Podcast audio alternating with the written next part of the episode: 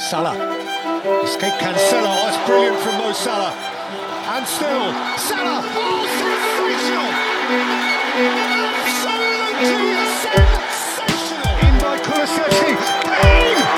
That is extraordinary! Ming saw it. In goes De Bruyne. Kevin De Bruyne! Hej allihopa och välkomna tillbaka till FBL ikväll. Vi är eh, tillbaka och eh, nu ska vi gå igenom lite målvakter och lite backar i vårat, ja det blir andra avsnittet för den här säsongen. Hur känns det Gustav att ha dragit igång nu? Det känns väldigt skönt på alla sätt faktiskt, både att eh, det närmar sig med säsongstart men också att vi har kommit igång med poddandet. Vi körde ju ett, eh, ja, ett introavsnitt till säsongen kan man väl säga, lite kortare eh, som ligger uppe. Har ni inte lyssnat på det än så rekommenderar jag att ni lyssnar på det först. Eh, det går rätt snabbt och sen så idag är då planen att vi ska gå lite mer på djupet på eh, målvakter och eh, backar helt enkelt. Det kommer komma liknande avsnitt för mittfältare och, och anfallare senare, men idag är det som sagt då målvakter och backar som gäller. Ja exakt, vi har gjort om vårt upplägg lite. Förra året så hade vi ju att vi gick igenom lagen var för sig. Vi kände att eh, i år så kommer vi ändra det och köra då målvakter, backar, mittfältare och anfallare och sen gå då från de dyraste ner till de billigaste och prata igenom vilka vi tycker är de bästa FPL-alternativen och även vilka man ska undvika eftersom det är ju ganska många olika målvakter, backar och mittfältare i det här spelet och eh, ja, man vill ju ta de bästa och man vill försöka undvika några fällor. Det, det finns nog några fällor där ute. Ja, men det är klart att det gör. Det finns ju, alltså, även om den stora massan eh, blir bättre och bättre på FPL och det är mer och mer, det är, så här, det är enklare, allt enklare att få tillgång till eh, bra FPL-content, främst via Twitter då. Eh, och det är fler lag som ser, eh, liksom, lagen börjar likna varandra mer och mer, så finns det ju fortfarande att när man kollar på ägandeskapssiffrorna, det är några spelare man hajar till på att oj, varför är han så högt ägd? Eh, när man känner att okej, okay, men kollar man verkligen spelschemat och så vidare så har man lite för svårt att förstå hur de här spelarna har sökt ägandeskap. Vi kommer väl komma till några idag, men eh, det är klart att det finns, finns ju utrymme att eh, liksom, hitta edge även fast eh, folk, eh, liksom, den stora massan blir allt bättre på FPL. Jag undrar om du känner exakt så när vi kommer in på de här 5,5 målvakterna, de dyraste målvakterna i FPL, för de har ju ganska högt ägandeskap. Allison 9,3 procent, Ederson 13,5 procent och Pope har 12,6 procent. Alltså det är ju ja, procentenheter totalt på ja, runt, eh, vad blir det, eh, 35 procent ungefär. Eh, jag har inte sett någon riktigt i något eh, draft, i någon draft på Twitter. Men eh, ja, hur känner vi kring de här premiummålvakterna? Det är lite speciellt, de här 5,5 målvakterna. Jag brukar inte röra dem så jätteofta. Alltså tidigare säsonger när de här allra bästa målvakterna kostat 6,0, eh, vilket de gjorde ett tag, eh, då har det verkligen varit så att det, eh, det är aldrig aktuellt att röra premiummålvakter. Nu är de ju nere på 5,5 de bästa, Alisson och Edison, och liksom i rätt stor utsträckning så är det fortfarande så att kollar man på Alisson till exempel, det finns inte så stor poäng att betala 5,5 för en sån målvakt när man kan hitta utespelare i Liverpool som erbjuder betydligt eh, högre höjd. Vi har ju Trent och Salah och sen eh, andra utspelare som man kanske dyker upp under säsongen, Nunez, Jota och så vidare, där man vill ha de platserna. Man har möjligheten att hoppa på de tågen om de dyker upp. Och det känns onödigt att liksom, binda upp en Liverpool-plats med Allison då.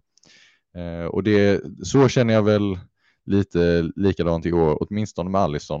Eh, Pope är väl också en liksom, ganska tydligt att man inte går på honom. Det är en kombination av kast spelschema och att det finns, dels finns ju Trippier i eh, Newcastle-försvaret, men det finns också backar som Båtman i samma lag som kostar en miljon mindre. Då har jag rätt svårt att se varför man skulle gå på Pope. Ja, och det är ju ofta så att FPL prissätter ju målvakter eh, efter hur stor chans de har att hålla så många nollor som möjligt, men det är ju lite annorlunda ändå med målakter, för de kan ju ta poäng på andra sätt med räddningar och bonus och så här. Och det är ju sällan egentligen man ser eh, att de dyraste målakterna är de bästa i FBL. Precis, det har ju varit eh, grejen med Ederson under egentligen eh, hela tiden han har varit i Premier League, att även om City har hållit många nollor, eh, nu höll de lite färre förra säsongen, men generellt sett så har de ju varit väldigt bra på att hålla nollor, hålla nollor så har inte det resulterat i sådär värst många poäng för Ederson ändå. För han gör inga räddningar. i stort sett och därmed tar han inte så mycket bonus heller. Och då är det liksom sex poäng när City håller nollan och två poäng när de inte håller nollan. Och slår du då ut över en hel säsong så är det andra målvakter som då har en kombination av räddningar och bonus som helt enkelt slår honom trots att de kanske är billigare. Ja, så vår slutsats är väl egentligen att man ska undvika 5,5 målakterna till en början i alla fall. Det, det kan vi väl säga. Eh, gällande Allison och Pope, absolut. Jag vill ändå dra en liten lans för Ederson. Jag gjorde en del förra säsongen och det gick ju som det gick. Eh, men jag vill ändå säga så här att ja, över liksom en hel säsong så kommer det finnas billigare målvakter som tar fler poäng än honom. Men det är lite oklart inför omgång ett vem den bästa 4,5 målvakten är till exempel. Eh, vi vet inte än eh, hur lagen kommer prestera under säsongen. Det kommer liksom, även om vi vet att det i framtiden kommer eh, bli tydligt vilken målvakt som är den bästa så vet vi inte vem det kommer vara. Och därför är det inte helt fel tycker jag att gå, börja med Ederson. Nu när City har dessutom väldigt bra spelschema att börja med. Och inkassera de nollorna som kommer komma. Och sen när det uppenbarar sig vem som är det bästa valet i 4,5 eh, kategorin till exempel, ja men då gör man det bytet. Eller så sitter man kvar med Ederson om man har andra bränder att släcka. Liksom. Eh, men det, det, finns ändå en viss garanti där. Eh, så har man pengar över så tycker inte jag att Ederson är helt fel faktiskt. Nej, jag är inte riktigt lika stort fan av Ederson efter slutet på förra säsongen, men nu kommer ju inte någon Ortega hoppa in i kassen här i början, utan Ederson kommer ju förstå allt och ja, han förhoppningsvis gör lite fler räddningar än vad han gjorde förra året. För förra året hade han ju en ganska dålig säsong, det får man ju säga. Absolut, och det är ju fördelen med Ederson just att även om Pep eh, roterade lite målvakten nu förra säsongen så får man förvänta sig att han kommer spela varje match och det går kanske inte att säga om någon av backarna. Eh, utan även om Diaz och Stones till exempel är ganska givna och kommer spela det mesta så kommer det roteras. Och de har ganska många alternativ från backarna och det kommer, han kommer testa olika varianter Pep. Eh, men vi vet att det är Ederson som kommer stå och det är liksom yt ytterligare en fördel och det är en väldigt smidig väg in i City-försvaret. Sen förstår jag att det inte är för alla att lägga så mycket pengar på en målvakt och, och över liksom en hel säsong så lär det inte vara det bästa valet heller. Eh, då tycker jag vi går vidare till 5,0 målvakterna och de tycker jag är lite mer intressanta. Där har vi bland annat målvakter som Eh, Kepa, Josesa, eh, Martinez, eh, Raya, Vicario, men framförallt då eh, Onana och Ramsdale som många äger just nu. Ramsdale har väl eh, näst högst ägandeskap av alla målakter bakom en viss eh, eh 4,0 målakt som vi kommer till senare, men eh, Ja, hur känner du kring eh, 5,0 prislappen där på målakterna? För att jag har alltid nästan gått på en 4,5 målakt. Det kanske förändras den här säsongen. Alltså jag tycker att vi först och främst får börja i änden om att det kommit rapporter idag, måndag när vi spelar in det här, eh, att Arsenal är intresserade av att eh, värva in Raya från Brentford. Eh, det kom ju lite från vänster, det var inte så många som såg det komma. Återstår att se om det, om det liksom faktiskt blir något av det där eller om det bara är rykten. Men om det skulle bli så att de plockar in Raya så känns det väl nästan som att det stryker både Raya och Ramsdale från listan över vilka, vilka man kan ha. Det känns inte helt givet att som kommer starta där och det är inte omöjligt att de roterar lite heller. Um, sen kan man, hade jag dessutom kunnat argumentera för att oavsett om de plockar in Raya eller inte så finns det bättre val än Ramsdale eftersom Arsenal har så många utespelare som man vill ha. Gabriel Saliba i backlinjen till exempel, Saka, Martinelli, Ödegård, Jesus. Alltså man har bara tre platser per lag. Ehm, att då lägga en av dem tre Arsenal på Ramsdale, ja, det hade jag tyckt känns sådär. Ja, nej, men jag håller helt med och jag tycker att eh, Raya är väl egentligen ett val till omgång ett som, eh, alltså, som man borde utesluta oavsett om han går till Arsenal eller inte. Jag tror inte att han startar eh, i omgång ett oavsett för att han har ju, ja, det är ju komplikationer får man ändå säga med Brentford och just nu är det 9% som äger honom. Jag tycker att eh, det är tok för mycket. Ja, ja, jag känns ju som att han kommer lämna Brentford. Eh, om det inte blir Arsenal så blir det något annat lag som plockar honom och eh, då tycker jag att det finns bättre val. Eh, vi kommer komma till, till eh, eventuella Brentford-målvakter senare när vi går ner på 4,5 målvakterna. Det finns intressanta eh, som potentiellt kan ersätta Raja då. Eh, men om vi stannar i 5,0 så länge så är det väl kanske främst Onana som det har pratats om eh, i den här priskategorin. Och han är ju intressant, ny till ligan och en typ av målvakt som vi inte har sett i så många lag. Vi har inte sett i Manchester United tidigare i alla fall. Eh, skiljer sig ganska rejält från de Gea. Och det är så här, hade, hade de Gea varit kvar och kostat 5,0 så hade, inte, hade vi inte sett så högt ägandeskap på honom. Han har aldrig varit något populärt val i FPL egentligen. Eh, och har ju inte heller riktigt presterat så pass bra eh, rent FPL-mässigt att han ska ha varit ett, ett populärt val heller. Jag tror ju att det finns en chans att detta kan förändras nu när Onana kom in, att han faktiskt kan eh, kamma hem fler poäng än vad de Gea gjorde. Eh, främst då för att det finns en potential för ehm, ökad eh, bonus på Onana helt enkelt. Att han tar, är bättre på att ta bonuspoäng än vad de Gea var. Ehm, det finns flera faktorer som spelar in i det här. Främst då kanske att Onana är, kommer vara betydligt mer aktiv med fötterna. Han kommer slå fler passningar och han kommer slå dem. Eh, han är bra på det, så han kommer slå dem med hög eh, procent, hög passningsprocent. Vilket är två saker, både mängden passningar och att de ska hitta rätt eh, är sånt du får poäng för i bonuspoängsystemet. Um, ehm, men också en sån statistik som recoveries som målvakterna också får eh, poäng, eh, som belön, målvakterna också belönas för i det här systemet. Eh, som de Gea var väldigt svag på förra säsongen, men Onana, om du då jämför med hans siffror, eh, Onana mycket bättre. Sen är det också värt att säga att eh, de Gea, om man kollar på, liksom, byter ner bonuspoängen, så om du då tar bort, du kollar på vad United-försvarare och målvakter har scorat i bonuspoängsystemet varje match. Och så drar du av de poängen som de har fått för håller nolla, mål eller assist. Så du får bara kvar eh, alla de, liksom, du får kvar de poängen som samlas in av liksom, passningar till exempel och tacklingar och eh, annat sånt. Du får liksom, grundsaker som du får poäng för. Så låg det sker för säsongen precis efter eh, både Shaw, Martinez Eh, och om det då var vem som nu spelade högerback, om det var Dalot eller Wan-Bissaka, oavsett av dem, så han låg liksom precis under eh, stora delar av backlinjen. Så det räcker med att Onana lyckas höja den här basnivån med liksom några få step, eh, några få steg, så är han, eh, är han liksom förbi alla eh, United-backarna och har helt plötsligt liksom en ganska bra position för att, för att ta tre bonus varje gång United håller nollan. Och det är ju klart en styrka. Ja, eh, verkligen. Onana tycker jag känns som ett bra val. Jag tycker att det inte är så eh, överhypat som folk kanske eh, tror att det är, utan eh, jag tycker att Onana jag trodde inte att Onana skulle ha så stor skillnad jämfört med de Gea, men nu när jag läser, liksom, läser på om det här så tror jag ändå att han kommer ha det. Jag tror ändå att det kommer vara en stor skillnad. Och det gör ju också att eh, Luke Shaws eh, ägandeskap och liksom potential i FPL kanske sjunker lite, eller hur känner du där?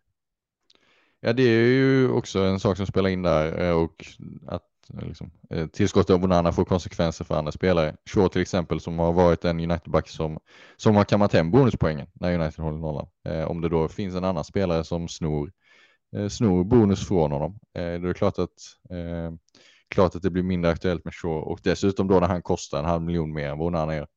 Eh, sen har ju United, alltså Uniteds spelschema eh, rent defensivt i början av säsongen. Det finns ju några matcher som är lite, alltså Tottenham borta i omgång två, Arsenal borta i omgång fyra, Brighton i omgång fem. Det är, liksom, det är matcher där man kan se att United släpper in mål. Så att eh, det är inte, det är inte så att man måste känna att man måste ha en defensiv United-spelare eh, till, eh, till en början här, för att det finns en hel del matcher där, där, det, inte, där det inte är särskilt troligt att de kommer hålla nollan.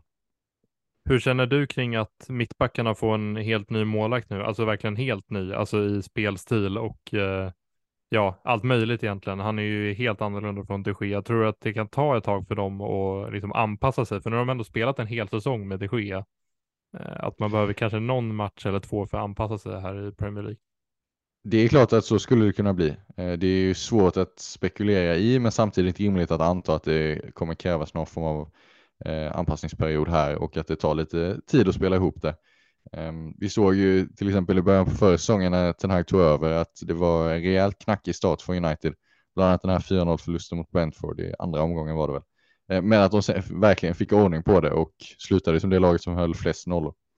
Ehm, så absolut kan det, kan det vara så att det kanske blir en knackig start och att eh, de då släpper in mål i, i de här några av de här matcherna som är lite tuffa på pappret.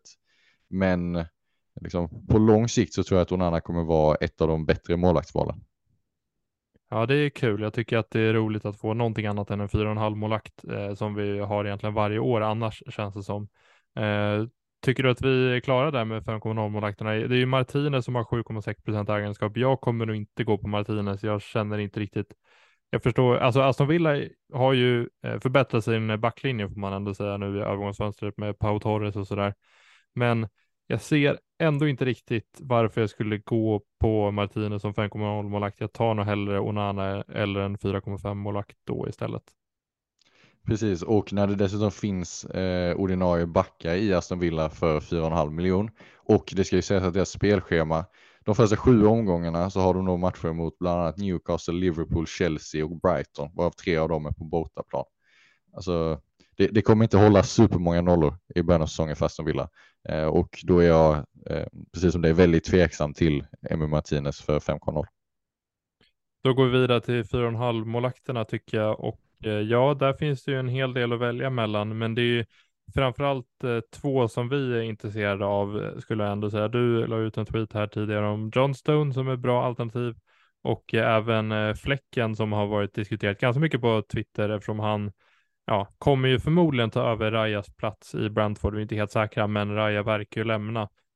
Så då är det ju dags för Fläcken och han har ju sett sådär ut på försäsongen måste vi ändå erkänna. Han har inte imponerat jättemycket. Jag eh, har ju kollat lite på hans siffror och han var ju väldigt, väldigt bra i Bundesliga. Eh, alltså fyra, fem säsonger också. Han, det var inte bara att han hade en eller två bra säsonger utan han hade ganska många. Och vi vet sedan tidigare att Brentford eh, är väldigt, väldigt bra lag för målakter. De får många skott på mål mot sig men har ganska låga XG conceded siffror. Så att eh, Raja tog ju väldigt många poäng förra året. Tog han mest poäng av alla i spelet? Mycket möjligt. Han snittade i alla fall fyra räddningar på matchen och sånt. Eh, mm. Och det är ju verkligen eh, en, stor del av det att de släpper till skott som är eh, de släpper till en del skott men inte från sådär jättebra lägen utan från lägen där det är liksom ganska tacksamt för målvakterna och en del, en del enkla räddningar. Med det sagt så rädd, liksom, det är ändå värt att tillägga att Raja räddade ju dem en hel del gånger för säsongen. De överpresterade ju jämfört med den XG de släppte till. De skulle ha släppt in hade de haft en genomsnittlig målvakt istället för en väldigt bra målvakt så hade de släppt in fler mål. Eh, och Fläcken återstår att se om han kan, liksom, ifall Raja lämnar då, om han kan eh, liksom, fylla de skorna. Gör han det så kommer han bli hur bra som helst i FPL. Eh, det kommer liksom kännas helt givet att han är den bästa 4,5 målvakten då. Men då ska han ju liksom gå in och leverera på den nivån som Raja gjorde och ja, det är inte helt säkert att han gör det. Nej, han har ju visat väldigt, väldigt bra siffror i eh, Freiburg tror jag var som han spelade innan, för då har han ju överpresterat lite som du sa där, att han eh, släpper in eh, färre mål än vad han ska göra. Eh, han har gjort det under de senaste fyra säsongerna, gjort det väldigt bra där och jag vet att de spelade Bundesliga fantasy, de har eh, alltid haft honom i sitt lag egentligen för att han har varit väldigt, väldigt bra. Sen eh, Johnstone eh, tycker jag väl är ett lite säkrare val får man ändå säga, men alltså det är sjukt hur lågt ägandeskap det är. En, en procent typ. Ja, det är ju verkligen en differential och eh, ett val som inte, om man pratar om den, den breda massan så har ju inte Johnstone-valet nått dit ännu. Eh, men det är verkligen liksom, värt att betona att Crystal Palace är bra defensivt. Hela försäsongen så hade de, var de fjärde bäst i ligan Eh, om man kollar till hur mycket eller hur lite XG de släppte till. Ligans fjärde bästa försvar sett till XG. Eh, och eh, dessutom då en målvakt Johnston, Johnston i de matcherna han spelade så snittade han 2,9 räddningar per match. Så det är i, i princip en räddningspoäng per match och ganska bra chanser till hålla, hålla nollor och kan ta bonus när de väl håller nollan. Att få allt det för 4,5, ja, jag tycker att det känns väldigt, väldigt bra. Ja, nej, men jag håller med. Det är alltså fler som sitter på Brightons tredje keeper Robert Sanchez just nu än vad som sitter på Johnston. Så att, eh, jag tycker att han är lite underskattad. Han är ju absolut underskattad och eh, den målvakt som jag har i laget just nu, eh, om man kollar Palace spelschema, de börjar mot Sheffield United i omgång ett. Det är ju eh, en bra match. Sen väntar ju Arsenal i omgång två eh, där man inte kan förvänta sig någonting. Ja, det blir lite räddningar i sådana fall. Eh, men sen kommer ändå liksom fyra matcher kommande, tre, tre, fyra matcher kommande fem, sex omgångarna där som är rätt bra. Eh, och efter några tuffa kring omgång 9-10 så öppnar det upp sig. Så det är en målvakt som man kan, man kan behålla över en längre period utan att det blir farligt. Men spelschemat är kanske inte så pass bra att om man är, om man är en, en manager som känner sig ganska säker på att jag kommer nog dra mitt wildcard ganska tidigt. Även om man inte planerar det så kanske man känner sig själv och vet att det är där jag brukar hamna. Ja, men då kanske det finns bättre val än Johnston för att spelschemat inte är idealiskt om du ska optimera poängen kortsiktigt. Men vill du ha ett alternativ som du kan sitta kvar med en längre tid, ja men då är det ju jättebra. Eh, och sen tycker jag att vi måste ta upp de, eh, några andra fyra och målakter också här. För att eh, Pickford är ju den mest, klart, äg, eh, klart mest ägda i alla fall till 13,7 procent. Han var ju den målakten som spelade över 1500 minuter som hade lägst eh, poäng per match förra året av alla målakter i spelet. Så att, eh, jag är lite förvånad att han är så pass eh, högt ägd. Det ska ju sägas att hans schema är ju väldigt, väldigt bra.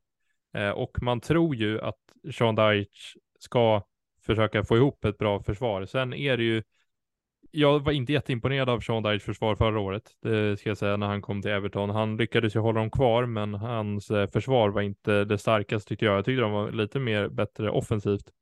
Sen eh, att Pickford då ska förvandlas till någon form av riktigt bra FBL-målvakt. Jag är inte riktigt säker på det. Han har ändå stått under Ancelotti och Rafa Benitez och en, helt, alltså en hel del okej tränare. Eh, men eh, har ju inte riktigt blivit någon bonus eller räddningsmagnet eller något sånt där under dem. Nej, så, så är det. Jag har mina tvivel kring Pickford också när man då, speciellt när man jämför med till exempel Johnston som ju står i mål för ett betydligt bättre försvar. Men det är ju faktiskt ändå, liksom, man, man, får ju säga det med Pickford att det är ju verkligen ske, spelschemat som är nyckeln här och det är det som är anledningen till att han är vald av så många. För att om du tar de första åtta omgångarna så är då fyra av de matcherna, eh, fyra hemmamatcher då mot Fulham, Wolves, Luton och Bournemouth. Eh, fyra hemmamatcher de första åtta och dessutom en bortamatch mot Sheffield United. Så att eh, även om Everton kanske inte är, eller verkligen inte är ett av ligans bästa lag defensivt så finns det ju potential till några hållna nollor här. Eh, och kan väl liksom, tycker att Pickford är ett helt okej okay val. Jag tycker att det finns bättre, men det är verkligen inte så att jag känner att det är ett direkt dåligt val, eh, åtminstone om man ser det liksom ur ett kortsiktigt perspektiv. Nej, och till sist tycker jag vi behöver ta upp eh, målvaktssituationen i Brighton också, för att den är ju lite intressant med Stil och Verbryggen där som eh, Ja, jag är väldigt säker på att Stil kommer starta säsongen i alla fall. Eh, jag tror inte att Ver Verbruggen kommer få spela så jättemycket i början. Han är ja, eh, ung målvakt som har stått egentligen eh, ja, sina seniormatcher år 2023. Han har inte stått någonting innan det egentligen. Och jag har väldigt svårt, för mig, svårt att se framför mig att eh, han kommer peta Stil här i början. Jag tror att Stil, Stil vet systemet och han har gjort det väldigt bra under försäsongen. Det har, eh, det har man sett tycker jag. Och eh, ja, jag tycker att Stil ändå är ett helt okej val, men det jobbiga är ju att om man gör liksom två, tre misstag, då känns det som att han kan ryka. Jag tycker det är en väldigt onödig risk att ta, att eh, plocka stil till sitt lag omgång ett faktiskt. Eh, dels tycker jag att Estopinian är ett betydligt bättre val. Eh, liksom, att lägga en backplats på Estopinian, eh, du får ju det offensiva hotet och så vidare med honom. Eh, jag tycker inte att det är värt att dubbla upp eh, på Brighton, för även om spelschemat, första tre kanon, Luton hemma, Wolves borta, West Ham hemma, jättebra. Sen blir det tufft spelschemat. Det är Newcastle United, visserligen en bra match mot Bournemouth, men sen Villa, Liverpool, City efter det. Det blir rejält tufft. Man vill inte behöva sitta kvar med Alltså, har, har, du två eh, Brighton-defensiva så måste du byta ut en egentligen för att du kan inte eh, liksom, släpa med dig två sådana spelare genom den perioden. Och det kommer finnas betydligt det kommer finnas målvakter som tar betydligt fler poäng under eh, den perioden med, liksom, med jättemycket bättre spelschema. Det är inte svårare än så. Och eh, om man då har Estopinian i laget redan så tycker inte jag att jag tycker inte att Brighton är tillräckligt bra defensivt för att det ska vara värt risken att liksom att dubbla upp de första tre månaderna för att sen liksom behöva ta sig igenom eh, antingen, det tuffa, antingen ta sig igenom det tuffa spelschemat eller lägga byten på att eh, dumpa stil. Eh, och eh, så ja, jag tycker att det är en onödig risk att ta. Ja, nej men jag kan hålla med där. Jag, eh, jag håller nog ändå med, men jag måste bara lägga till där att eh, stil, om man vill, vi pratar lite om Onana och så här passningsbonus och så här. Stil är ju, förutom då Ederson och Allison är, som är ganska högt uppe där också, så är stil den som är klart närmast eh, Onana i eh, passningssäkerhet och lite BPS där. Eh, i, så att om man vill ha, han är ju ändå helt okej okay på bonusstil. Så att eh, ja, om man, om man vill köra på han så, jag har inget jätteproblem med det, men jag förstår att det är inte så jättemånga som vill dubbla upp eftersom alla sitter på Estopinian i princip. Nej, det är ju det är där mitt problem med det här ligger. Eh, han kan absolut ta en hel del poäng första tre omgångarna, men sen så kommer det bli snårigt med det spelschemat och då eh, tycker jag att det finns andra målvakter som är liksom, minst lika bra som stil, eh, som är, liksom, håller bättre långsiktigt. Och så kan vi gå vidare till 4,0 målakterna och det är ändå lite intressant att prata om för att det finns ju potential att vi får startmålakter här. Det är såklart att eh, spelets mest ägda målakt, eh, Areola, eh, har en chans ändå får man nu säga. Jag, eh, ja, jag har ju lite minnen från Areola förra, förra säsongen. Eh, inte så jättegoda eh, när jag benchboostade och han inte startade den där dubbelomgången som jag trodde han skulle göra, utan Fabianski kom ju rätt in tillbaka i startelvan trots att han är 38 år och eh, nu pratar ju alla om att Ariola ska ta över den här eh, första platsen.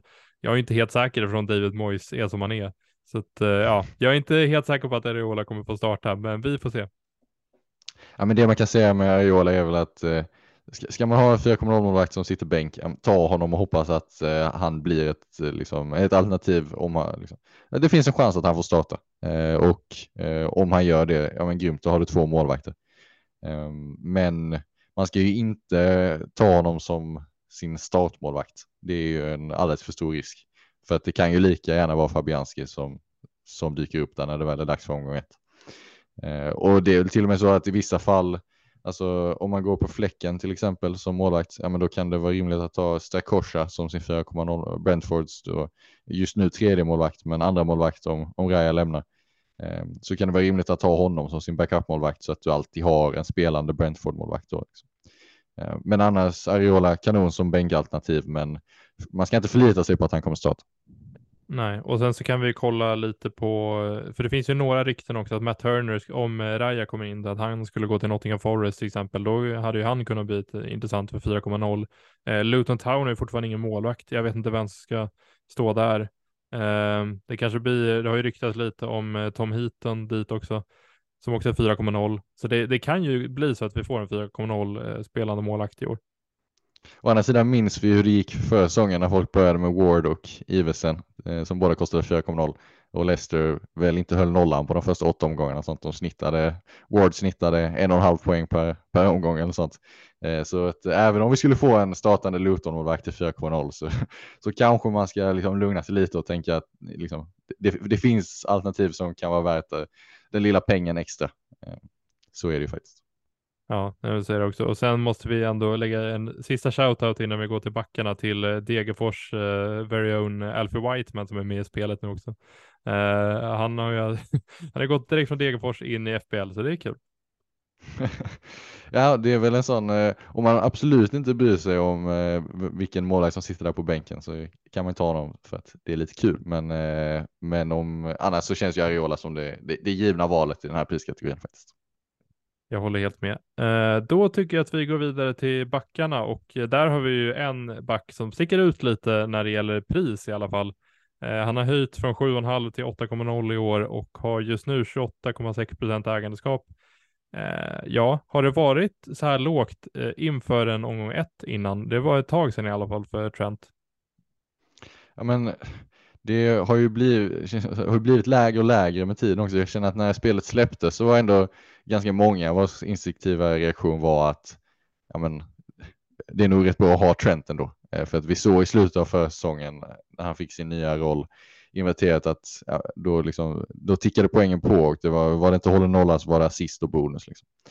Eh, men i och med att han har gått upp till 8,0 och ganska många andra bra backar har liksom stått stilla prismässigt så att säga. Ehm, och är kvar på 5,0 eller 5,5 eller 4,5 till och med.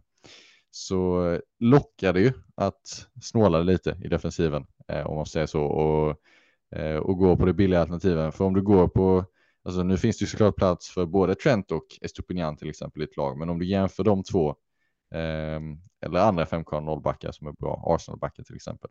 Alltså de tre miljonerna som skillnaden är, du, du kan ha rätt mycket kul med dem eh, i offensiven. Och det är väl framförallt det som gör, det är väl framförallt det som driver ner ägandeskapet på Trent.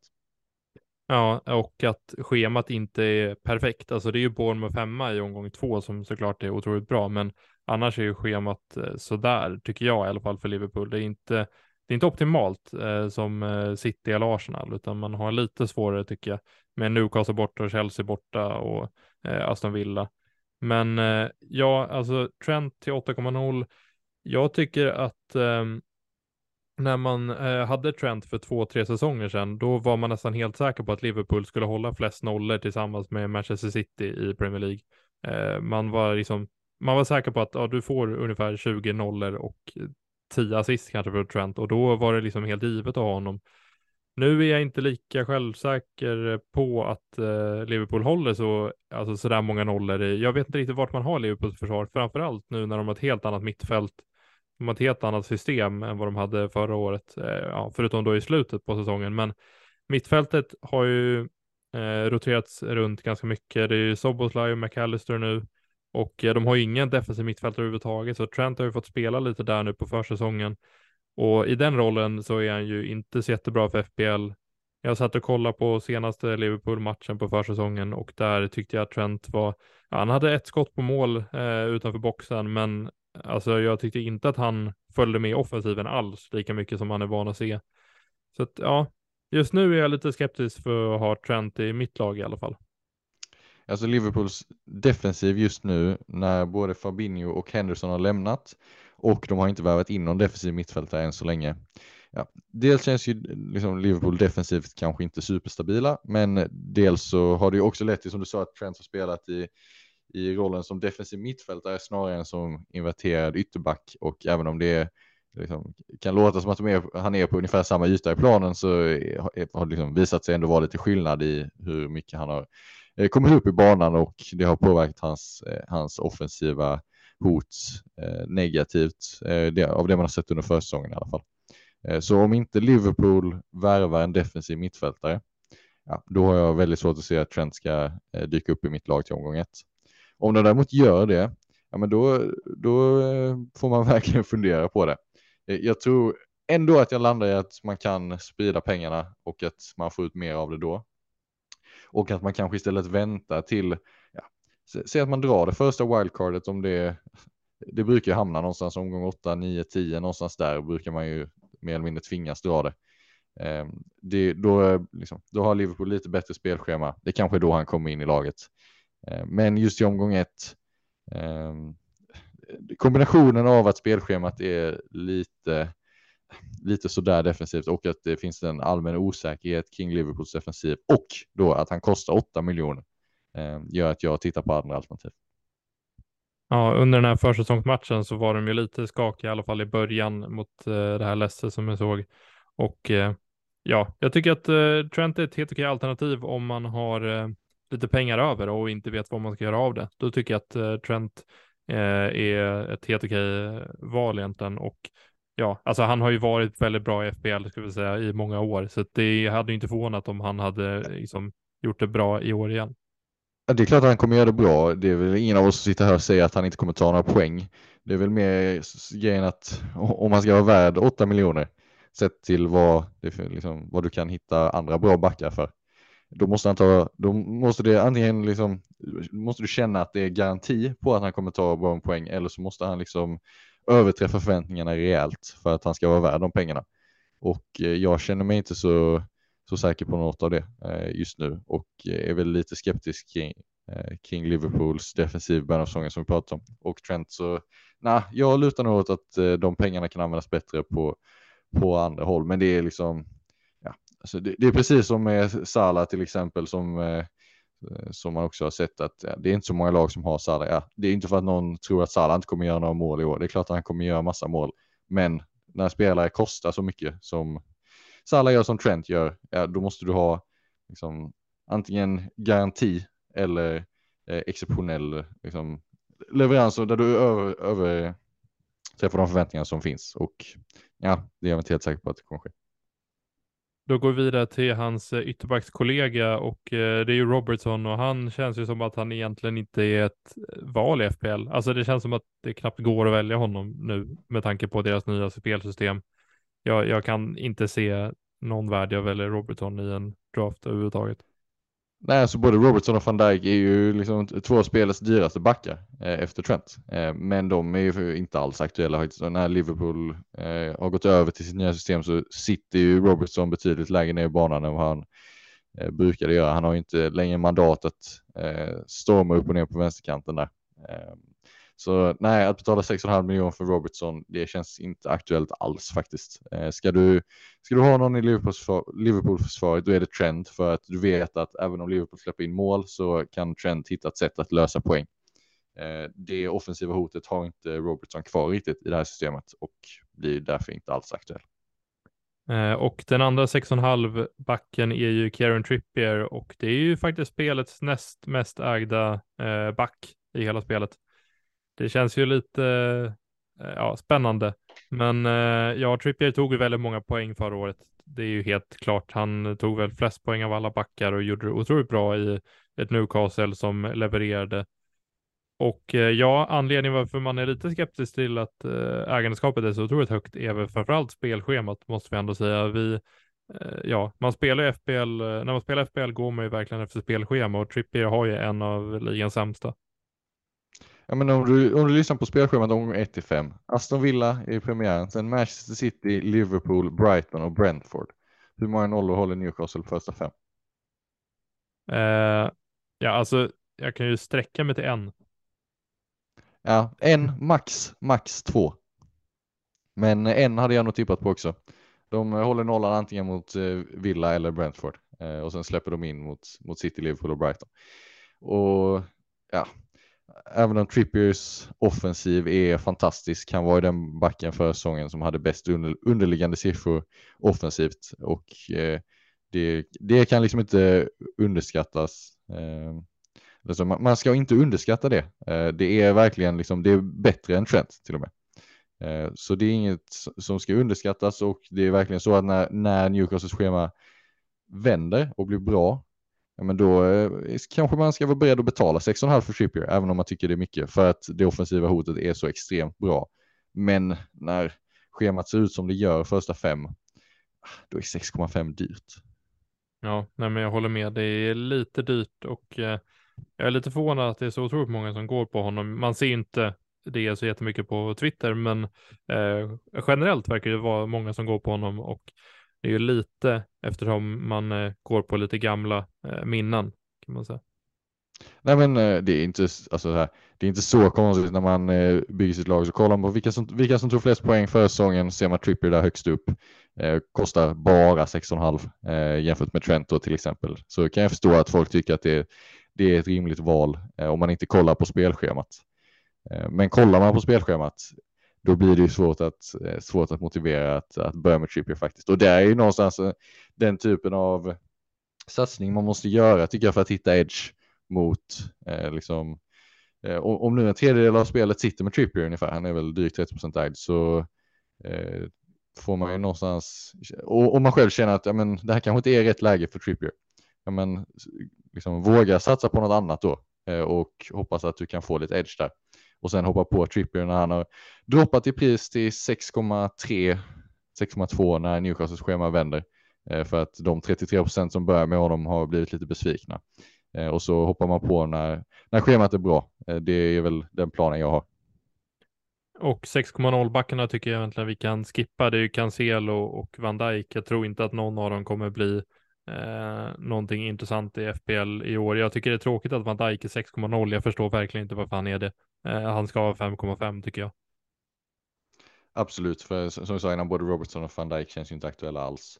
Eh, Cancelo hade ju varit lite kul. Jag hade eh, tyckt att det var lite kul om Cancelo hade stannat i City och fått en andra chans och så levererat rejält för att liksom till, får han bara spela så vet vi ju att Cancelo till 6,0 det kan ju vara liksom, det kan ju bli ett jättebra val, men det känns ju inte särskilt sannolikt, eh, utan de, de lär hitta en ny klubb till honom. Ehm, så nej, vi kan gå vidare till 5,5 backarna som är betydligt mer intressanta.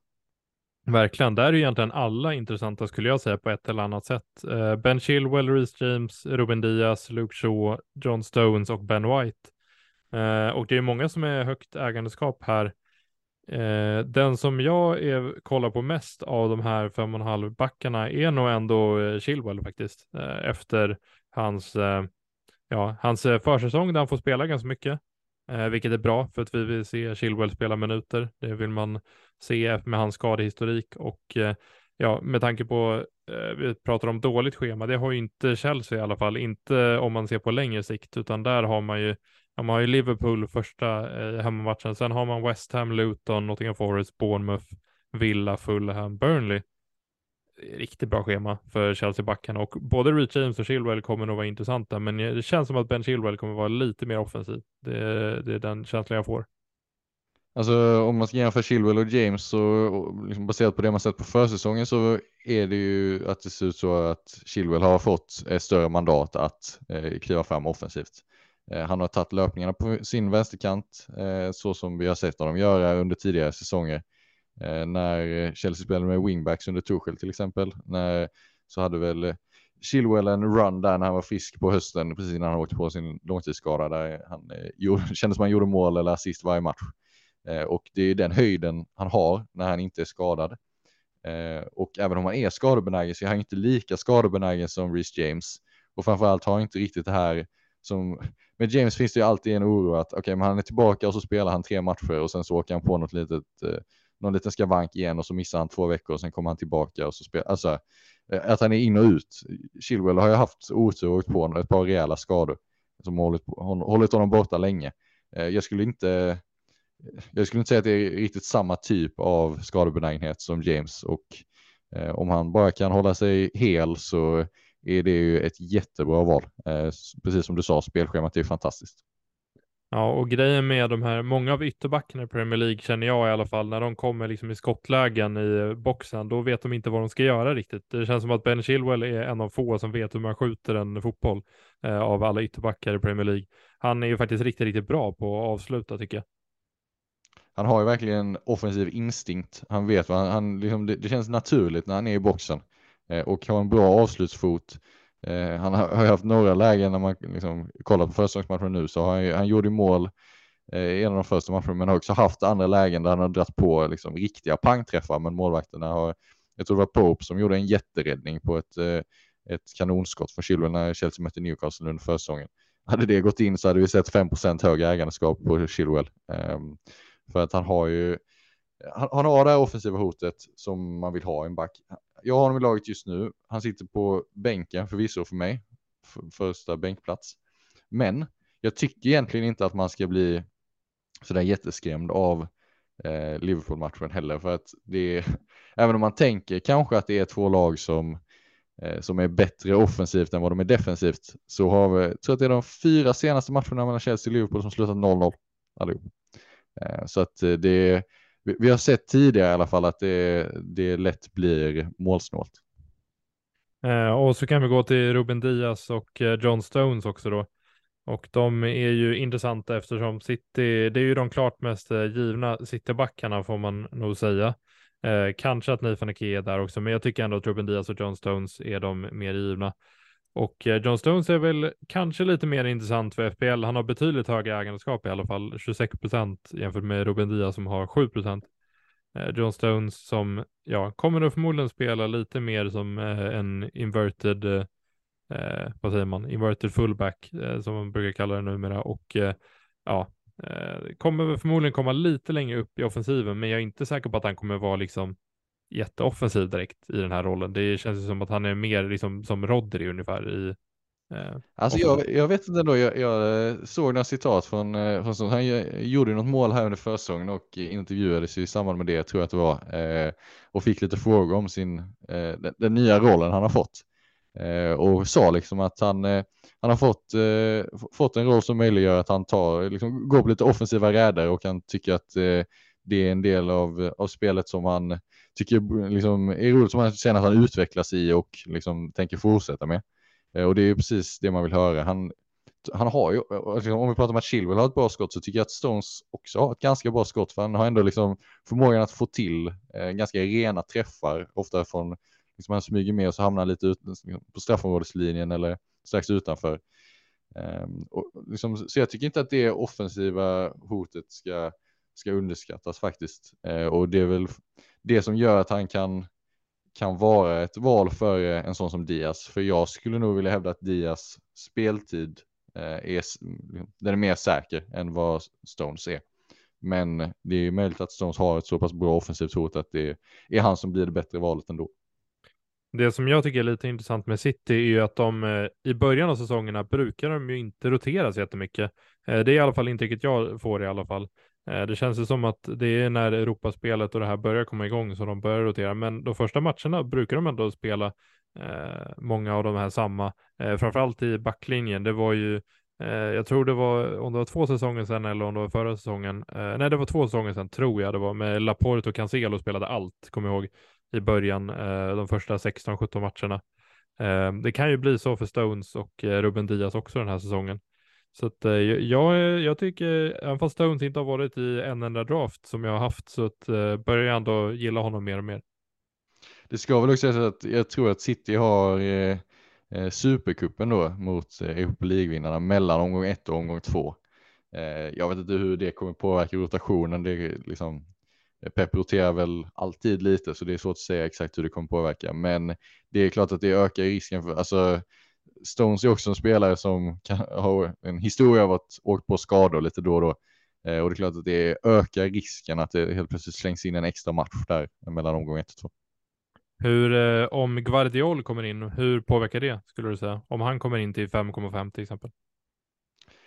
jag känner inte att det påverkar Stones så där jättemycket. Eh, han har ju liksom sin roll som eh, inte eh, liksom det, är ju ganska långt ifrån den rollen som Guardiola är tilltänkt i. Eh, däremot så blir det ju en extra spelare som ska kommer ta minuter från Ake till exempel. Um, så att eh, jag tror inte att Guardiol kommer bli ett alternativ till 5,5 för jag tror inte att han kommer gå rakt in och vara given. Men han kommer få speltid om han ansluter såklart. Eh, och det är ju ja, för oss som FPL-managers helt enkelt lite störigt om Pep slänger in en extra spelare i den mixen. Ja, och det enda jag är lite rädd för med Stones är ju att Pep har ju pratat om att han ibland har varit tvungen att byta ut honom tidigt och så här för att han är ju lite mer skadebenägen än de andra mittbackarna i City. Så att det är väl det enda man eh, kan, eh, ja, behöver se upp med med Stones, att han kanske inte kommer spela allt eftersom han eh, har haft lite skada. Ja, de brukar ju försöka vara lite försiktiga med honom i alla fall. Och det finns ju en risk att de sitter i led med 2-0 eh, så plockar de Stones efter 45 eller efter 58 eh, minuter. Och det är ju sånt man verkligen inte vill se eh, när man har med FPL. Eh, och den risken finns ju. Det såg vi hände några gånger i slutet av försäsongen. Eh, dels för att han har en skadehistorik men också för att han spelar en roll som är eh, Alltså City har inte lika många spelare som kan gå in och ersätta Stones i den rollen han spelar som eh, mittbackar har de tillräckligt många. Det är inte sådär jättesvår den rollen. Eh, men eh, Pep, liksom, han tar gärna och sparar Stones när den möjligheten finns. Och sen så har vi två backar kvar som vi inte nämnt på 5,5 och det är ju den som är mest ägd och det är Luke Shaw. Eh, vi pratade lite om han när vi pratade om Onana, men han var ju otroligt bra förra säsongen och tog ju en hel del bonus. De höll ju flest nollor i hela ligan. ja, Luke Shaw är ju, jag tycker ett stabilt val. jag kommer nog, jag, jag har inte haft han i så många draft, men det är baserat lite på schemat och att Onana har kommit in till 5,0 och att eh, jag tycker inte att han är ett jättebra val, men jag tycker att han är ett stabilt val. Ja, men stabilt val kan jag ju hålla med om. Eh, om vi pratar offensivt på så, så är jag inte säker på att hans, alltså, absolut han dyker upp med en assist här och där, men han är ju verkligen inte på samma nivå som Chilwell eller Trent eller Trippier eller den typen av spelare är rent offensivt. Eh, och om då Onana kommer in till en halv miljon mindre och tar lite bonuspoäng från Shaw, ja men då skulle jag nog luta mer åt att är det någon man ska ha från United-försvaret så, så är det Onana och så tar man en annan 5,5 back istället. Så går man på Chilwell typ, som har högre höjd, eh, vill jag ändå hävda, än Shaw. Men eh, såklart samtidigt, det är inte så att om man plockar man Luke Shaw till omgång ett, du, det kan ju inte gå fel. Det kommer inte, du kommer inte hamna jättesnett med det. Det är ett ganska tryggt val. Du vet att poängen kommer ticka in. Eh, men eh, jag skulle ju ändå säga att en kombination, liksom, slår du ihop det med målvakten som en kombination så tycker jag att Onana och Chilwell till exempel slår Shaw och någon annan målvakt. Eh, och sen sista är Ben White och eh, det förstår jag inte varför 9,6 procent har honom i laget för att eh, de har värvat in Jurian Timber även fast eh, Ben White var ju ganska, ganska offensiv förra året. Eh, gjorde ändå en del hel del framåt, tog ändå en hel del FPL-poäng, men varför, när man har Gabriel och Saliba eh, så tycker jag ändå att det är bättre att gå på dem än Ben White i och med att man har värvat in Timber nu också. Alltså det är egentligen inte speltiden som jag är sådär extremt orolig för. Eh, absolut, det kan bli lite mindre när, eh, när Timber kommer in. Eh, men jag förstår verkligen inte varför han kostar mer än vad Gabriel och Saliba gör. Eh, alltså Gabriel framförallt har ju ett, ett offensivt hot i form av eh, en närvaro på offensiva fasta och en förmåga att göra mål som White saknar. Eh, så hade du liksom hade du bett mig att sköta prissättningen eh, för FPL så hade jag ju satt Gabriel. Eh, hade du tvingat mig att sätta Gabriel och White på olika prisnivåer så hade jag satt Gabriel högre. Eh, och därför kan jag inte förstå varför man väljer White när Gabriel finns för en halv miljon eh, mindre. Jag tycker det, och dessutom Saliba tycker jag är ett bättre val än White till en halv miljon mindre. Så nej, det är väl en ganska, ganska tydlig eh, liksom, rekommendation från vår sida att White är ingen spelare som, ska, som man ska ha med till omgång ett. Då kan vi gå vidare till 5,0 backarna och eh, jag antar att du har två favoriter i form av Gabriel eh, och eh, Estopinian. Eh, gissar jag rätt då? Du gissar helt rätt. Eh, det är väl ingen superskräll i och för sig. Eh, Estopinian ligger väl runt 50 procent ägandeskap eller något sånt, om man inte har droppat den senaste tiden. Eh, det är ju väldigt, väldigt högt såklart. Eh, men samtidigt, man såg slutet på försäsongen när liksom han fick eh, fick lite utdelning på sitt offensiva hot. Det var väl Arsenal borta som det blev 18 poäng eller något sånt. Eh, han gjorde mål och assist och höll nollan och sånt, så det blev liksom verkligen utdelning eh, och då fick väl alla upp ögonen eh, för det offensiva hot som man hade sett under längre tid, men som det inte liksom. Det hade inte blivit någon utdelning på det. Eh, och sen kollar man då Brightons spelschema. Luton hemma, Wolves borta, West Ham hemma. Ja, alltså Estopignan kan ju stå på 30 poäng efter de tre matcherna. Ja, nu eh, vill jag spela lite, lite djävulens advokat ändå, för att eh, han har 51 procent ägandeskap. Men finns det argument för att hans spelschema på lång sikt är ju sådär, får man ändå säga, med Newcastle United, eh, Bournemouth, Villa, Liverpool, City. Eh, och att, eh, ja, Brighton har ju, de har ju saknat Louis Dunk under hela försäsongen. Eh, Caicedo kanske lämnar. Eh, man har gjort om lite eh, i backlinjen och sådär. ja, hur, Tycker du att han ska vara helt given till alltså 5,0 i alla lag eller finns det argument att gå utan honom? Ja, det är klart att det finns argument. Argumenten är ju som du säger, om man eh, tittar på det hela lite mer långsiktigt eh, så är det ju mycket möjligt att Estopinian som spelare som man kommer behöva byta ut i omgång fyra, omgång fem någonstans där. För att man tycker att eh, spelschemat är så pass tufft att det finns, finns alternativ som är, är så pass mycket bättre att det är värt att lägga ett byte. Och då kan jag liksom någonstans respektera att man tycker att ja, men då är det lika bra att börja med den spelaren som jag hade velat byta in i omgång fyra. Så slipper jag göra det bytet. Men eh, för min del så tycker jag att dels är det inte så att jag känner att man måste byta ut Estopinian eh, när schemat vänder. Utan jag tycker att man dels kan unna sig en bänk som har spelare som kan hoppa in och täcka i startelvan för Estopinian och som man kan bänka Estopinian i de allra tuffaste matcherna.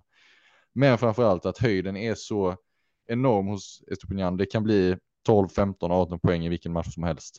Och så har de då Luton, Wolves och West Ham att börja med eh, den här säsongen.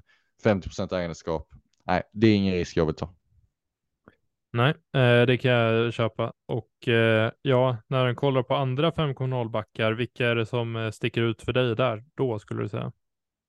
Nej, men eh, som, vi, som vi har sagt lite, Arsenal-backarna såklart. Eh, Gabriel eh, har ju, eh, är ju så pass bra offensiv som man kan förvänta sig en 4-5 mål per säsong. Eh, och får man det från en mittback som dessutom spelar i ett lag som kommer hålla en hel del nollor, är rätt okej okay på bonus.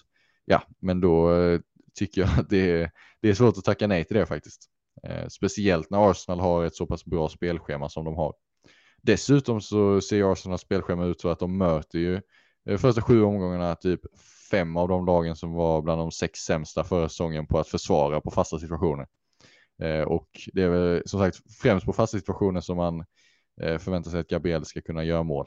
Eh, såklart. Och eh, att då få den typen av matchups direkt mot lag som är ganska svaga, eller åtminstone förra säsongen var ganska svaga eh, på defensiva fasta, så tycker jag att det är, det, ska man ha en Arsenal-defensiv, vilket jag tycker att det är fullt rimligt att ha, då är det faktiskt Gabriel för mig. Ja, nej, men jag håller helt med. Gabriel är det bästa Arsenal-backen tycker jag. Eh, och sen så eh, någon back att nämna till, ja men Fabian Kjär måste jag nämna eftersom jag hade han en ganska stor del av förra säsongen. Eh, och han eh, ja, underpresterade sina expected goal-siffror ganska rejält får man ju säga. Han kanske eh, revanscherar sig i år och överpresterar dem. Eh, då kommer han göra nästan 8-9 mål i så fall om det är fallet. Men eh, ja, det blir intressant, och, intressant att se om han är värd 0,5 mer än eh, Båtman till exempel. Ja, det var det, det jag tänkte komma till, som jag tänkte fråga dig. Eh, förra säsongen så var det ju, eh, liksom betalade ju gladeligen en halv miljon mer för Kär än Båtman. Eh, men då, även om priserna då var väl typ 4,8 jämfört med 4,3 när de, här, när de blev aktuella eh, en bit in på säsongen. Hur känner du nu? Är du, liksom, är du redo att lägga upp den halv miljonen extra? Eh, jag tror ändå att jag hade kunnat vara det. Alltså, ehm, med tanke på att han är så mycket bättre offensivt än vad Båtman är och eh, eh, det beror ju på lite, alltså laget runt om och vad man har för budget såklart. Eh, jag kommer inte gå med någon av dem i omgång ett, men eh, när läget kommer så absolut kan jag tänka mig att eh, ha kär före Båtman, speciellt med tanke på att Båtmans ägandeskap kommer vara betydligt, betydligt högre. Då kände jag att eh, ja, det var lite roligt också att ha en mittback som kunde göra mål, även fast han gjorde bortdömda VAR-mål och grejer. Så att, eh, ja, eh, det var kanske inte jätteroligt förra året, men det, det kändes i alla fall roligt. Lite som när man hade Nunez då, det hände alltid någonting, men mm. Eh, det slutade ju med att man blev besviken. Precis, så att, det var lite blandade känslor. Men eh, ja, eh, och sen vill jag nämna en 5.0 back till och det är väl eh, Pedro Porro som jag ändå tycker kan vara lite intressant om Spurs får ihop deras försvar i och med den här nya rollen. Han kommer ju spela, han kommer inte spela wingback nu utan han kommer spela i en fyrbacklinje. Men om han får starta varje match egentligen, vilket ja, man har inte vetat om det tidigare från Emerson Real har ju fått spela lite. Men Pedro Porro känns som att han passar det här eh, nya systemet mycket bättre och eh, han kommer ju spela eh, lite inverted och eh, ja, ytterbackarna under Postecoglou i Celtic gjorde det väldigt bra eh, poängmässigt. Så att eh, Porro vet vi är en väldigt bra offensiv eh, ytterback, så att eh, det är såklart att han kan göra en hel del poäng i år. Det är just Spurs försvar, det är det som man är lite osäker på. Där måste man, det känns som en väldigt så här, vänta och se för mig. Eh, både Pedro Porro och eh, Udogi som vi kommer till senare. Ja, men om man kollar eh, de underliggande siffrorna från andra halvan av den säsongen som nu precis har varit förra säsongen. Eh, så kollar du för då eh, expected goal involvement, alltså XG plus expected assists. Eh, och då bara filtrera på backarna så är det Trippier som leder. Eh, men tvåa före Trent är faktiskt Porro. Han ligger tvåa eh, i liksom, ja, rent offensivt eh, hot underliggande siffror mässigt i alla fall. Ehm, sen tror jag eventuellt att i och med ett systemskifte där han inte kommer ha en riktigt lika offensiv roll så kommer de här siffrorna eh, att bli lite sämre eh, i och med att eh, liksom, han, han flyttas ner lite i banan. Han kommer inte vara riktigt lika offensiv som när han spelade wingback. Ehm, men eh, så här, offensivt så är det ingen tvekan för mig om att Porro är så pass bra att eh, han liksom, det kan vara värt att ha honom i laget. Det stora problemet för mig är ju defensiven och som du säger, det känns verkligen som att Spurs är ett sånt lag med tanke på att de ändå ska. Man förväntar sig att de ska genomföra ett ganska omfattande systemskifte så känns det som att eh, offensiv, de, de kommer göra en del mål, men det kommer också läcka ganska rejält bakåt, åtminstone i början. Det är en omställningsperiod som kan bli ganska utdragen där eh, Eh, och där jag inte tror att det är så kul att sitta med fem miljoner investerade i det försvaret. Eh, så när man jämför, när man jämför honom med till exempel Arsenalbackar eller Stupinjan så tycker jag inte att han är i närheten faktiskt. Men med det sagt, när schemat, liksom, det kommer komma perioder när schemat är bra och när man kanske känner att Tottenham ändå har fått ordning på försvaret lite, men då, då är han ju ett jättebra val. Ja, då går vi vidare till 4,5 backarna och det finns ju ja, oändligt med 4,5 backar i FPL. Jag visste inte ens att det var så här många när jag scrollade igenom det, men det är otroligt många. Och då har vi alltså eh, bland de här 4,5 backarna så är det ju Båtman som är klart mest ägd eh, i Newcastle. Eh, är, han är ju väldigt eh, favoritiserad här. Eh, hur känner du kring att starta med Båtman eh, som bänkspelare till exempel, eller om man ska starta med honom i startelvan? Alltså, helt, startar man honom i startelvan, om vi börjar där, det hade jag inte gjort för att spelschemat är så dåligt, det har vi pratat om tidigare idag. Eh, men jag tycker inte det är helt. Har man en halv miljon över när man bygger sitt lag och så känner man ah, att jag har en halv miljon som jag inte vet vad jag ska göra med. Eh, då är det faktiskt inte, ehm, inte fel att lägga dem på att uppgradera en 4,0 back till Båtsman och så bänkar man honom fram till ja, alltså omgång fem, omgång sex, någonstans där börjar man fundera på om han ska ha en plats i startelvan igen. Eh, speciellt från omgång sex så vänder ju schemat rejält för Newcastle och då ligger man liksom ett steg före de flesta eh, som då kommer vilja fylla på med Newcastle-backar så har man redan Båtman i laget. Det kan ju vara ganska smidigt. Eh, jag hade ju varit mer, eh, hade varit mer lockad av att göra det med Båtman än att göra det med Kär för att bänka en 5,0 back så länge, det går inte.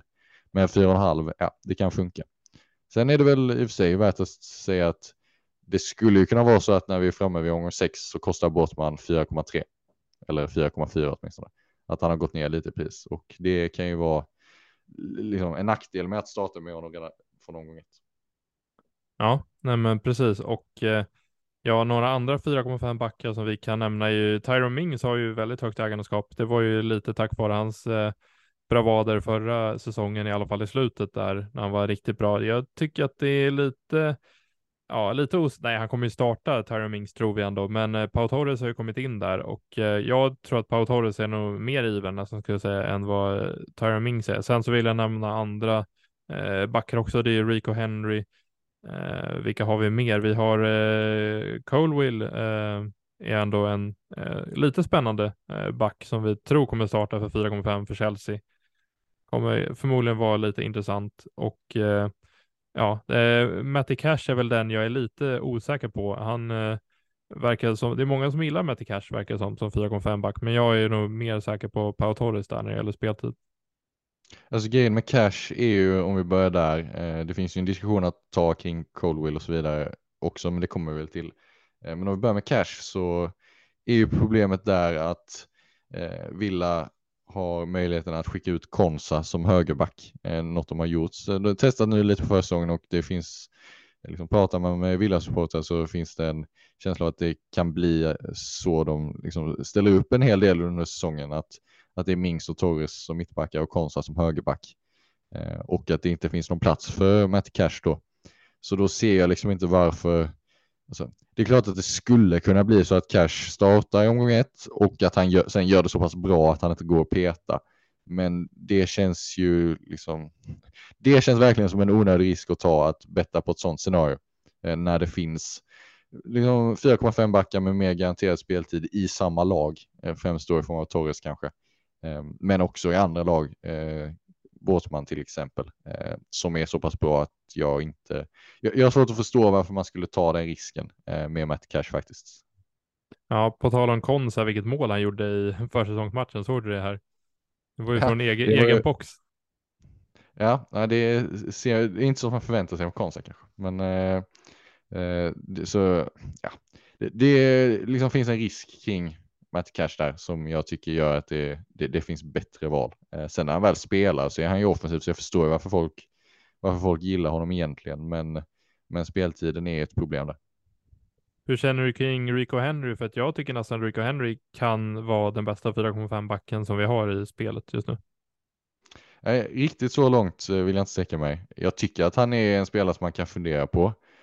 Men jag tror ju att om Raya lämnar eh, så tror jag att Brentford kommer tappa eh, defensivt. Jag tror inte det kommer hållas lika många nollor. Eh, och då är det ju, för det är någonstans så här, hade du kunnat garantera att de skulle ligga på samma nivå som förra säsongen, då kan jag ju vara mer benägen att hålla med dig.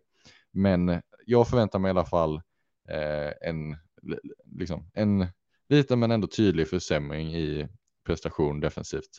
Och då tycker jag att det finns eh, andra valt till samma pris som spelar i lag vars försvar är betydligt mer stabila. Eh, Båtman främst, men även, även Colwell som, där man ändå, ja, nu kanske inte Chelsea är liksom, senaste tiden har varit kända för världens mest stabila försvar, men man får ändå förvänta sig att det ska bli bättre och sen är ju spelschemat för, eh, för Chelsea väldigt, väldigt bra, eh, som vi pratat om. Så om Colwill kan ta den platsen bredvid Thiago Silva och göra den till sin, vilket är fullt möjligt, då har vi ju ett väldigt bra val.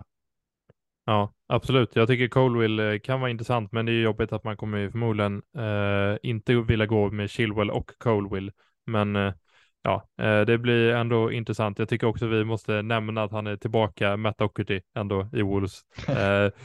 Eh, måste ändå nämna han i FPL, eh, FPL-sammanhang. Det är ju lite, lite av en legend i FPL, men ja, man rör ju han inte nu i början i alla fall här. Du har, du har väl både bra och dåliga minnen av honom. Bra minnen från Wolves-tiden, men sen eh, visst var det så att du hade honom nu den här försäsongen och sen mitt mellan omgångarna så fick han sitt kontrakt rivet av Spurs när han eh, lämnade för ja. Atletico.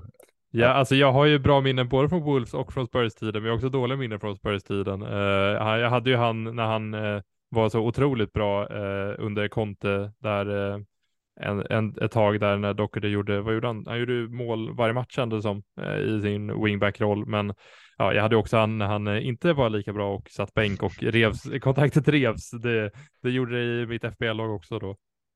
Ja, nej, verkligen. Och där är ju liksom, det är väl kul av nostalgiska skäl, eh, men ingen spelare som, ja, alltså så här, om man skulle hitta tillbaka till sin gamla nivå eh, från när han var i Wolves, eh, ja men absolut, då kan man ju fundera på det, men eh, det är ju verkligen så att man får vänta och se där. Eh, det är ju så att det finns finns betydligt bättre alternativ eh, och betydligt säkrare alternativ framförallt. Har du någon mer 4,5 back du vill ta upp eller ska vi gå vidare till eh, 4,0 backarna? Eh, jag har ändå en eller två till i alla fall. Jag tycker att Joakim Andersen eh, från Crystal Palace förtjänar att lyftas. Eh, som vi pratade om, eller som vi sa när vi pratade om Johnston, så var ju Crystal Palace ett väldigt, väldigt bra försvar förra säsongen. Eh, och om de fortsätter leverera på den nivån eh, så kommer Andersen som har bäst bäst eh, offensivt hot, åtminstone liksom offensiva fasta av Pallasbackarna och är liksom gjuten i mittförsvaret. Um, så kan jag se att han blir ett, ett bra val. Och till skillnad från Johnston då så kan du ju ha honom som fjärde eller femte back och rotera in honom och så att du startar honom när de har de bra matcherna så kan du bänka honom till exempel i omgång två mot Arsenal. Eh, med Johnston har du inte den lyxen kanske om du inte kör på två spelande målvakter, men, men det har du ju med, med backarna. Så det tycker jag är en spelare man kan hålla lite koll på.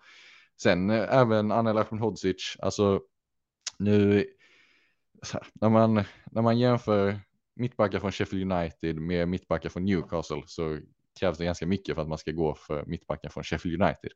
Men han gjorde ändå sex mål och två ass på 34 matcher i Championship förra säsongen. Eh, så offensiva hotet finns där. Om Sheffield United eh, liksom kommer in i någon någon period den här säsongen när defensiven verkligen klickar och de har bra spelschema är det inte helt, helt omöjligt att han blir ett alternativ. Nej, du ska inte dubbla upp då med Baldock som eh, många har ändå. Han gjorde ju mål här häromdagen också, eh, Baldock för Sheffield United. Så att, eh, ja, vi kan ju gå in på 4,0 backarna och eh, Baldock är ju ändå en av favoritalternativen skulle jag säga. Eh, vi har ju då eh, de 4,0 backarna som man tror kommer få spela är då Baldock, eh, Bell i Luton. Eh, vi har även då ja, Beijer i Burnley och Caboret som är en liten ny, Eh, ja, ny, lite på senare tid här kommit in eh, i Luton också. Så vi har egentligen fyra stycken 4,0 backar, vilket är väldigt ovanligt att vi har det. Så många brukar vi inte ha, känns som. Nej, och det finns ju ändå nu är alla från nykomlingar eh, så att det återstår att se hur bra de lagen lyckas prestera på en Premier League-nivå. Det är ju trots allt en ganska stor omställning. Men bara att ha startande 4,0 backar som dessutom i vissa av de här fallen har ett ändå betydande offensiv, offensiva förmågor. Eh, Baldock till exempel minns man kanske från när Sheffield United var uppe i Premier League förra gången. Eh, att eh, det var inte bara Lundstram som var som var aktuell på grund av offensiva färdigheter utan Baldock eh, spelade ju höger wingback då och eh, var ju verkligen, liksom, det var ju en spelare som fanns i ganska många lag. nu har han ju haft liksom Eh, han har ju fått, så som jag har tolkat det så har han fått sin plats i startelvan för att Bogle har varit skadad. Eh, så eh, Jaden Bogle som egentligen är första valet där. Men att Boldock har spelat så pass bra och Bogles liksom, status är lite oklar. Vilket gör att man ändå förväntar sig att Baldock kommer få fortsätta starta, åtminstone att han får inleda säsongen. Och om han fortsätter leverera så kommer han få behålla den platsen. Så jag tror inte att man, man behöver vara så orolig för speltiden där på kort sikt i alla fall. Ja, exakt. Jag tycker det är lite roligt när man pratar om eh, Lundström och Bålock och det här, hur FBL-landskapet har förändrats. För jag kommer ihåg den säsongen när eh, enda Stevens kostade 5,0 och, all, och många hade han i sitt lag. Det är lite skillnad på 5,0 backar då och 5,0 backar nu får man ändå säga. Verkligen, verkligen. Eh, men det får vi väl någonstans försöka utnyttja i år såklart. Eh, även om man kanske föredrar lite, eh, jag i alla fall hade föredragit lite tuffare prissättning. Eh, vilket vi behandlade i, i vårt första avsnitt. Eh, om vi går vidare bland 4,0 backarna så är det ju, den 4,0 backen som jag har i laget just nu är ju Caboret från Luton. För att han förväntas gå in som eh, liksom startande höger wingback i Luton och att han förväntas behålla den positionen hela säsongen om han inte skulle eh, gå in i någon jätteformsvacka. Liksom. Eh, och ändå eh, kan förvänta sig någon form av offensivt hot. Sen, alltså, hur många nollor kommer Luton hålla? Ja, inte många. Men han lär ju starta, det finns någon chans till returns och här, det är inte en spelare som man om jag, om jag får välja och liksom så här, vad jag hoppas på så kommer inte Cabré dyka upp i min startelva den här säsongen för att jag vill att de spelarna ska starta och jag behöver inte få, få in honom från bänken. Liksom. Så att det är ju egentligen ingen spelare där det ska vara så viktigt eh, hur det går poängmässigt.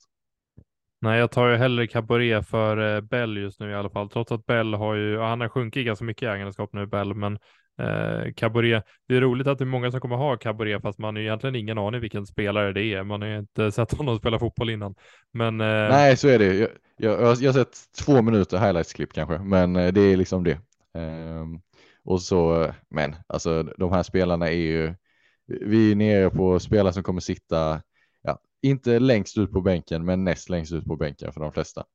Eh, tycker du att det är en rimlig strategi att köpa två 4,0 backar och snåla in så pass mycket? Eh, jag, eh, jag kommer nog, eller jag har gjort det i alla fall de första drafterna som jag har gjort. Det är väl egentligen bara med tanke på att det finns liksom eh, så många 4,0 backar som vi vet kommer starta. Det vet vi inte, det har, inte, det har vi inte vetat tidigare utan eh, ja, men jag börjar ju komma runt till att det är kanske lite för skralt på bänkarna med två 4,0 backar. Eh, om man går upp 4,5 så finns det ju liksom Rico Henry eller Andersen eller de här som du pratade om. Eh, så att, och de här 4,0 backarna är ju bara från eh, nyuppflyttade lag. Så att, ja, det är väl eh, kanske att man borde gå på en eh, 4,5 back, eh, en av dem kanske, bara för att vara helt säker. Men jag gillar ju i FBL att gå på att lägga i princip ingenting på bänken. Det har jag gjort många år. Så att, ja, jag vet inte, jag är lite, eh, ja, jag är lite, eh, jag vet inte vad jag ska säga, jag är lite förvirrad där. men det, här, det hänger också på vilka spelare man har i startelvan. Har man en startelva där liksom med spelare som Stones, Foden och Nunez till exempel, ja men då kanske man inte ska sitta med dubbla 4,0 backar för då kan det bli lite problem. För att om vi ska vara helt ärliga, alltså absolut de startar, men de, de allra flesta veckorna kommer det vara en eller två poäng på de här spelarna. Ja, nej men så är det verkligen. Vi jobbar in eh, Hjalmar Ekdal också till 4,0. Eh, måste man ändå säga att eh, det hade varit kul om han hade blivit ett val under FPL-säsongen. Eh, men det pratade vi om lite förra, förra eh, avsnittet också. Ja, och det hade ju absolut varit kul, men samtidigt får man väl ändå säga att eh, absolut det är, liksom, det är kul att han och Burnley är uppe i Premier League och det är kul att ha Ekdal i laget liksom. Men eh, om man ser på det rent logiskt och objektivt så finns det ju ingen anledning att välja Ekdal före Beijer. Om man eh, kollar på Burnley mittbackar. Absolut, det skulle kunna vara så att Ekdal eh, tar den platsen och bredvid Beijer och gör den till sin någon gång under säsongen. Det skulle till och med kunna bli så att han liksom, eh, får chansen från början. Men det vet vi inte. Men, medan vi vet att Beijer kommer starta. Så att, liksom, rent objektivt så finns det ju egentligen ingen anledning att plocka Ekdal. Nej, det är om, man, eh, om det blir på wildcardet sen. Uh, han har ju lite, lite bättre offensiv än vad Beijer har, men det är, det är inget vi kommer uh, grotta oss ner i nu direkt, utan nu, nu jag att vi... Det, det, det, får vara ett diskussionsämne för en senare, en senare podd helt enkelt. Men utan till omgång ett så känns det ju tyvärr inte som att Ekdal uh, är, det bästa alternativet av 4,0 backen. Men vi kan väl säga att Bell är väl lite högt ägarskap på 18 procent nu. Det känns som att han jag, tycker, jag gillar nästan alla de andra tre bättre än vad jag gillar Bell. Som, eh, och att han kommer kanske droppa i pris. Jag vet inte. Exakt, om man, om man pratar inom Luton så känns ju Cabaret bättre eh, eftersom han kommer vara mer offensiv som wingback. Eh, och om man jämför nykomlingarna med varandra rent defensivt så baserat på hur det såg ut förra säsongen i alla fall så eh, Eh, förväntar jag mig att Burnley och Sheffield United kommer vara mer stabila eh, än vad, än vad Luton kommer vara. Eh, jag tror inte på så många hålla nollor för Luton. Så om man jämför Bell med Beijer och Baldock så, så tycker jag att Bell är, är det sämsta valet där faktiskt. Så att det, det ägandeskapet är nog lite väl högt. Ja, och då har vi gått igenom alla backar och alla målakter som vi har egentligen, som vi tycker är intressanta i FBL i år eh, på ett eller annat sätt. Eh, och det blev väl ganska, ganska långt avsnitt det här. Hur känner du Gustav? Är det skönt att det är klart nu? Nej, men det, det, är alltid kul att sitta, sitta och snacka och gå lite mer på djupet. Eh, det finns ju en hel del alternativ, liksom. det märker man ju när man snackar igenom det. Ehm, men eh, jag tycker att vi täckte det mesta och eh, ser fram emot de kommande avsnitten om eh, mittfältare och anfallare där det väl ska bli lite mer spännande ändå för att det är ändå på de positionerna som man känner att det finns spelare med riktigt hög höjd. Ja, precis, och då kommer vi ha ett avsnitt för mittfältarna och ett avsnitt för anfallarna och eh, det kommer vi då eh, släppa senare i veckan. Eh, vi får tacka för att ni har lyssnat på oss idag och lyssnat på våra målvakts och backrekommendationer så hörs vi om några dagar igen. Så får ni ha det så bra allihopa. Hej då!